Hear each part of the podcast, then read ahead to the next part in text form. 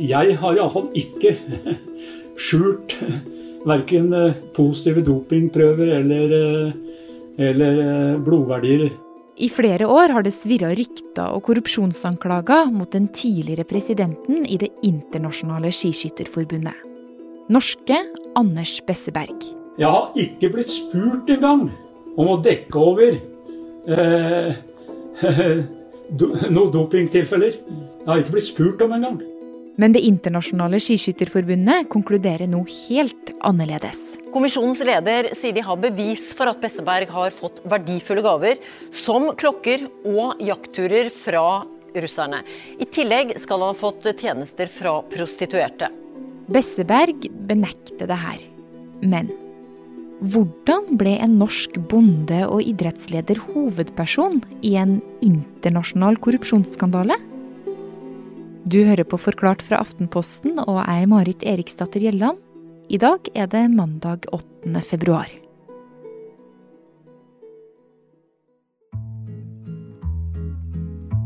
Denne historien starter i ei helt anna tid. De drev på så uh, føk rundt i skauen, og så kom de inn og så skjøt de med sånne landskytterstevnemausere på pappskive. Og så, og så, gikk de til mål, og så ble den pappskiva tolka, og så fikk de ett minutt tillegg for hver bom. Eller, og, og, så sånn, sånn, var det da, altså. Det sportsjournalist Kurt Haugli i Aftenposten snakker om, det er sånn skiskyting var for 40-50 år siden. Ikke sånn kjempepublikumsvennlig. Ja, det var i hvert fall i mye større grad enn i dag en sport for spesielt interesserte. I 1977, altså for 43 år siden så ble det bestemt at idretten skulle gå over fra grokalibra ammunisjon og, skyte, og, skyting på 150 meter til finkalibra, altså det vi gjerne kaller salong, eh, salongrifleammunisjon. Eh, akkurat det var helt avgjørende for at eh, skiskyting kunne bli en, en, idrett for mange, og som kunne utøves på en kompakt arena. Og en av dem som føyk rundt i skogen og skøyt blink på 70-tallet, var Anders Besseberg. Etter hvert så ble han også landslagstrener i skiskyting. Og derfra så fortsatte han å stige i gradene. Med et brennende hjerte for sporten ble gårdbrukeren fra Vestfossen i Buskerud etter hvert leder av Det internasjonale skiskytterforbundet, altså IBU, i 1993. Og da begynte ting virkelig å skje. Besseberg har en stor del av æra for å ha utvikla sporten for eh, en eh, idrett som hadde snev av militæridrett til å bli en av Mellom-Europas eh, aller største publikumsidretter vinterstid. Eh, under hans ledelse så gikk skiskyting fra å være en eh, liten TV-sport minimal TV-sport til å bli gigantisk i en rekke land. Altså I Tyskland så er skiskyting eh, den, mest populære vintersporten. I Russland så er det faktisk mer populært enn eh, en ishockey. Og vi vet jo at Russland er en stor ishockeynasjon. Med andre ord, skiskyting ble stort. Navn som Ole Einar Bjørndalen, Liv Grete Skjelbrei og Rafael Poiré var navn alle kunne. Og når det var renn på TV, så var det noe folk benka seg foran skjermen og så på. Ikke bare i Norge. Men etter hvert som idretten ble større, så begynte også å svirre noen rykter. Altså Mange som eh, var litt inne i skiskyting, eh, utøvere, journalister, tillitsvalgte, ansatte, hadde hadde helt sikkert kunnet fortalt deg før 2018 om en, en eller annen historie om korrupsjon eller juks. Dopingjuks eller annen type juks. Eh, men det var som eh, en tidligere politisk redaktør i Aftenposten ville ha kalt det eh, gode, men ubekrefta rykter. Men Westberg, presidenten i IBU, hadde aldri vært eh, formelt anklaga for eh, noe som helst, verken innad i sporten eller fra annet rettslig hold, helt til denne aprildagen i 2018. For den 10. april i 2018 slår politiet til med razzia på IBU-kontorene i Østerrike. Samtidig så banker det på døra til president Anders Besseberg hjemme i Vestfossen, og hos generalsekretær Nicole Resch i Tyskland. Politiet ransaker husene deres. I uken etter denne razziaen kommer det en eh, siktelse som oppfatter mistanke om korrupsjon, bedrageri og uh, brudd på uh, dopinglovene som er gjeldende i Østerrike. Men etter det så får omverdenen vite lite om hva politietterforskninga avdekker. Svaret fra politiet er at etterforskninga pågår, og at de ikke vet hvor lenge det skal vare. På dette tidspunktet så sier Anders Besseberg til VG at han ikke er korrupt, og aldri har mottatt ei krone, euro, dollar eller rubel, og heller ikke har prøvd å lure unna russiske dopingprøver. Ifølge tyske og østerrikske medier så bestrider også Nicole Resch det som har kommet fram. Uansett så går Besseberg av som president i IBU etter razziaen. Han hadde planer om å gå av senere samme år, men framskynder det pga. etterforskninga. Generalsekretæren Resch går også. Men det her er ikke slutten på denne historien. På Kongressen høsten 2018 ble det nedsatt en eh, granskingskommisjon som skulle finne ut hva som egentlig hadde skjedd i tilfellet Besseberg-Resch. Og nå, to år seinere, har utvalget kommet med den rapporten. En rapport som ikke setter Besseberg i noe godt lys.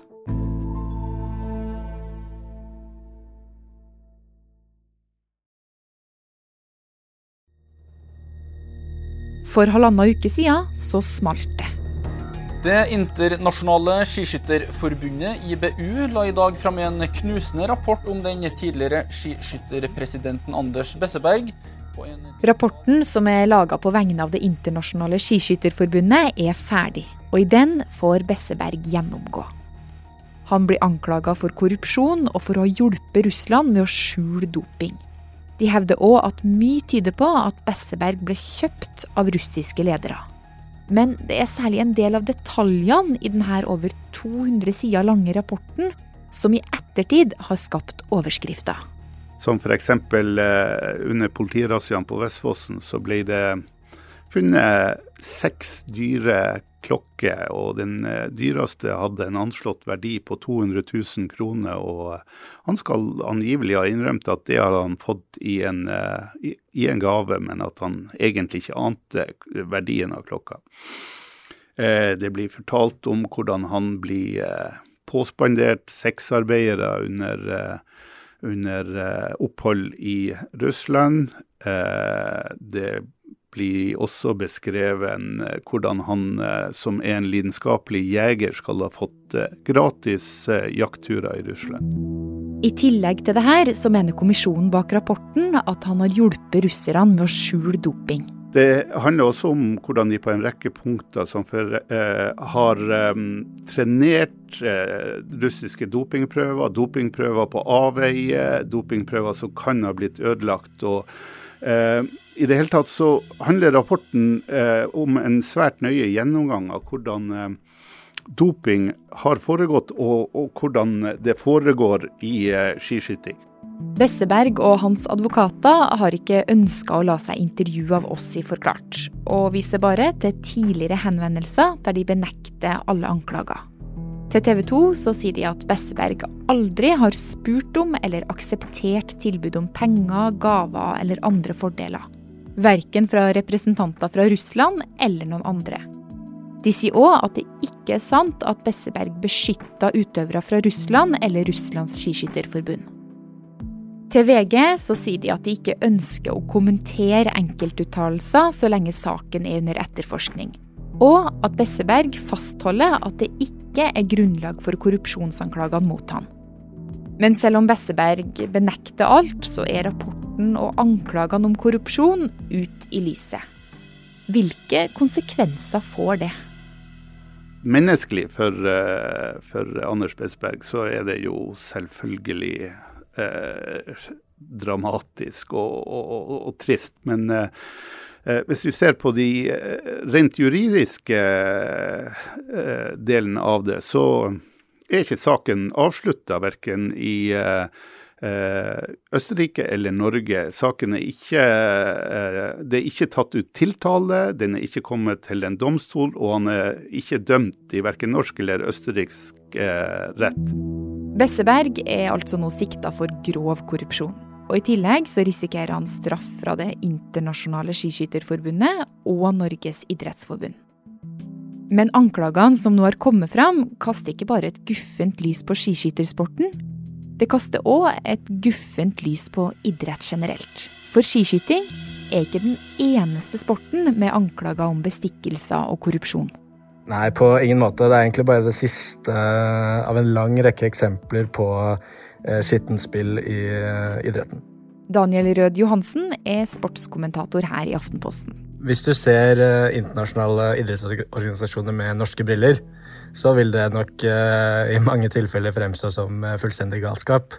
Og det er masse ulike eksempler på ja, tvilsom ledelse fra veldig mange forskjellige idretter. Eh, før eh, Da OL i 2002 ble tildelt til Salt Lake City, så ble det bevist at flere tok imot eh, bestikkelser. For ett år siden ble ledelsen i Det internasjonale vektløfteforbundet stemplet som mafialignende. Og så har du I håndball så er det en som heter Hassan Mustafa, president i over 20 år, som hele veien, også før, har fått masse anklager om maktspill og også korrupsjon, selv om ingenting har blitt bevist. Mustafa har også benekta det her, og leder fortsatt Det internasjonale håndballforbundet. Men det finnes òg folk som har mista jobbene sine pga. korrupsjon, og mange av dem finnes i fotballen.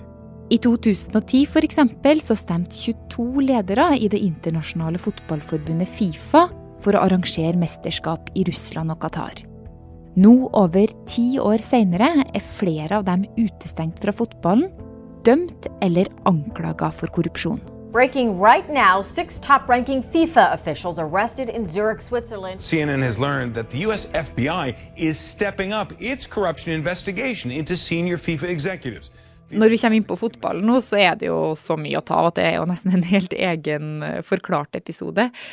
Men alt i alt, hva er det liksom med idrett som gjør at sånne her saker stadig kommer opp?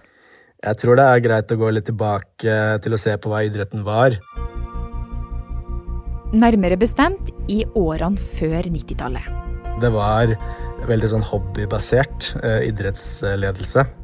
Og så kommer, eh, når vi er på starten av slutten av 80-tallet og starten av 90-tallet, så eksploderer det egentlig på inntektssiden med sponsorpenger, store TV-avtaler, som gjør at det fikk en sånn eh, en veldig rask uh, utvikling.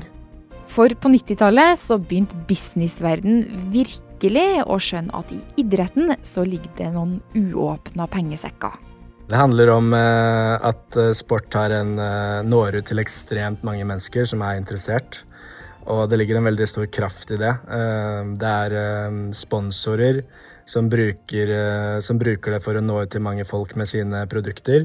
Det er TV-selskaper som bruker det for å få enten abonnenter eller, eh, eller bare generelt TV-seere. Eh, og det potensialet gikk for alvor opp for mange businessfolk eh, på starten av 90-tallet. Da. da man begynte å bygge opp disse produktene. og ja, det begynte en slags sånn kommersialisering av hele idrettsindustrien som steg veldig raskt på noen få år. Og mens milliardene begynte å strømme inn i idretten, så var jo fortsatt idrettsforbundene leda av folk som kanskje ikke hadde så veldig lang utdannelse innen business, og heller var litt sånn ildsjeler. Og da sitter det egentlig en organisasjon i veldig mange idretter som ikke er i nærheten av å greie å vokse i det samme tempoet som pengene renner inn, da. Eh, og da sitter du med eh, milliardbedrifter i noen sammenhenger med en organisasjon som egentlig er rustet for eller eh, tilpasset en slags hobbyvirksomhet. Og det har vært et sånt stort problem i veldig mange idrettsorganisasjoner at presidenter og maktpersoner greier å bygge opp en ekstremt sterk maktbase. Og Eh, som gjør at de kan sitte veldig lenge. og Det er jo ikke noe sunnhetstegn i seg selv, akkurat. og det, Besseberg er jo også et uh, eksempel på en som har sittet uh, veldig lenge, da. Men 90-tallet er jo lenge siden, og ting har forhåpentligvis bedra seg litt siden da, eller? Jo, altså det, Noen ting er jo blitt bedre etter at de forskjellige avsløringene er blitt rullet opp. da. Um, som jeg I fotball så var det jo 22 eh, menn i et styre som bestemte hvor VM skulle tildeles. Nå er det ikke sånn lenger, etter, etter den skandalen. Nå er det alle landene som bestemmer, og stemmegivningen er åpent. Så noen ting skjer, og når det kommer en opprulling nå i, i skiskytterfamilien, så ser man jo at det tas tak i Man lager en eh, ekstern granskingsrapport, eh, og man kommer til å gjøre endringer. Men eh, spørsmålet er Spørsmålet er eh, om man bare gjør de endringene som man må pga. en konkret avsløring, eller om man faktisk er interessert i å endre selve altså de strukturelle eh, problemene, da. Men du Daniel, nå når det begynner å bli en del oppmerksomhet da, rundt uh, utfordringene i idretten, kan det hende at vi begynner å se en reell endring etter hvert? Eh, sakene viser at, uh, i hvert fall at det går an å bli avslørt, og at man ikke bare kan holde på som man vil i det uendelige. Men jeg tror det er naivt å tenke at dette kommer til å endre alt. Um, jeg tror reelle endringer er veldig avhengig av Eh, at myndighetene griper inn. Eh, og så tenker jeg også at det ligger en veldig kraft i at utøvere selv står opp, eller at sponsorer sier klart fra. Noe vi bl.a. så nå når eh, ishockey-VM egentlig skulle legges til Hviterussland. Men det skjedde ikke etter at disse sa veldig tydelig fra. Da. Og mm, Penger er eh, et språk eh, den internasjonale eh, idrettsfamilien forstår. Så hvis forbrukere og sponsorer begynner å si, si tydelig fra, så kan det faktisk skje reelle endringer.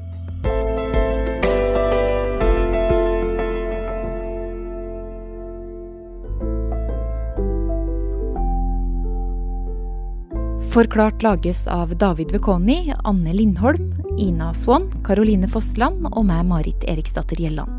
Du har hørt lyd fra ABC, NRK, VG og CNN.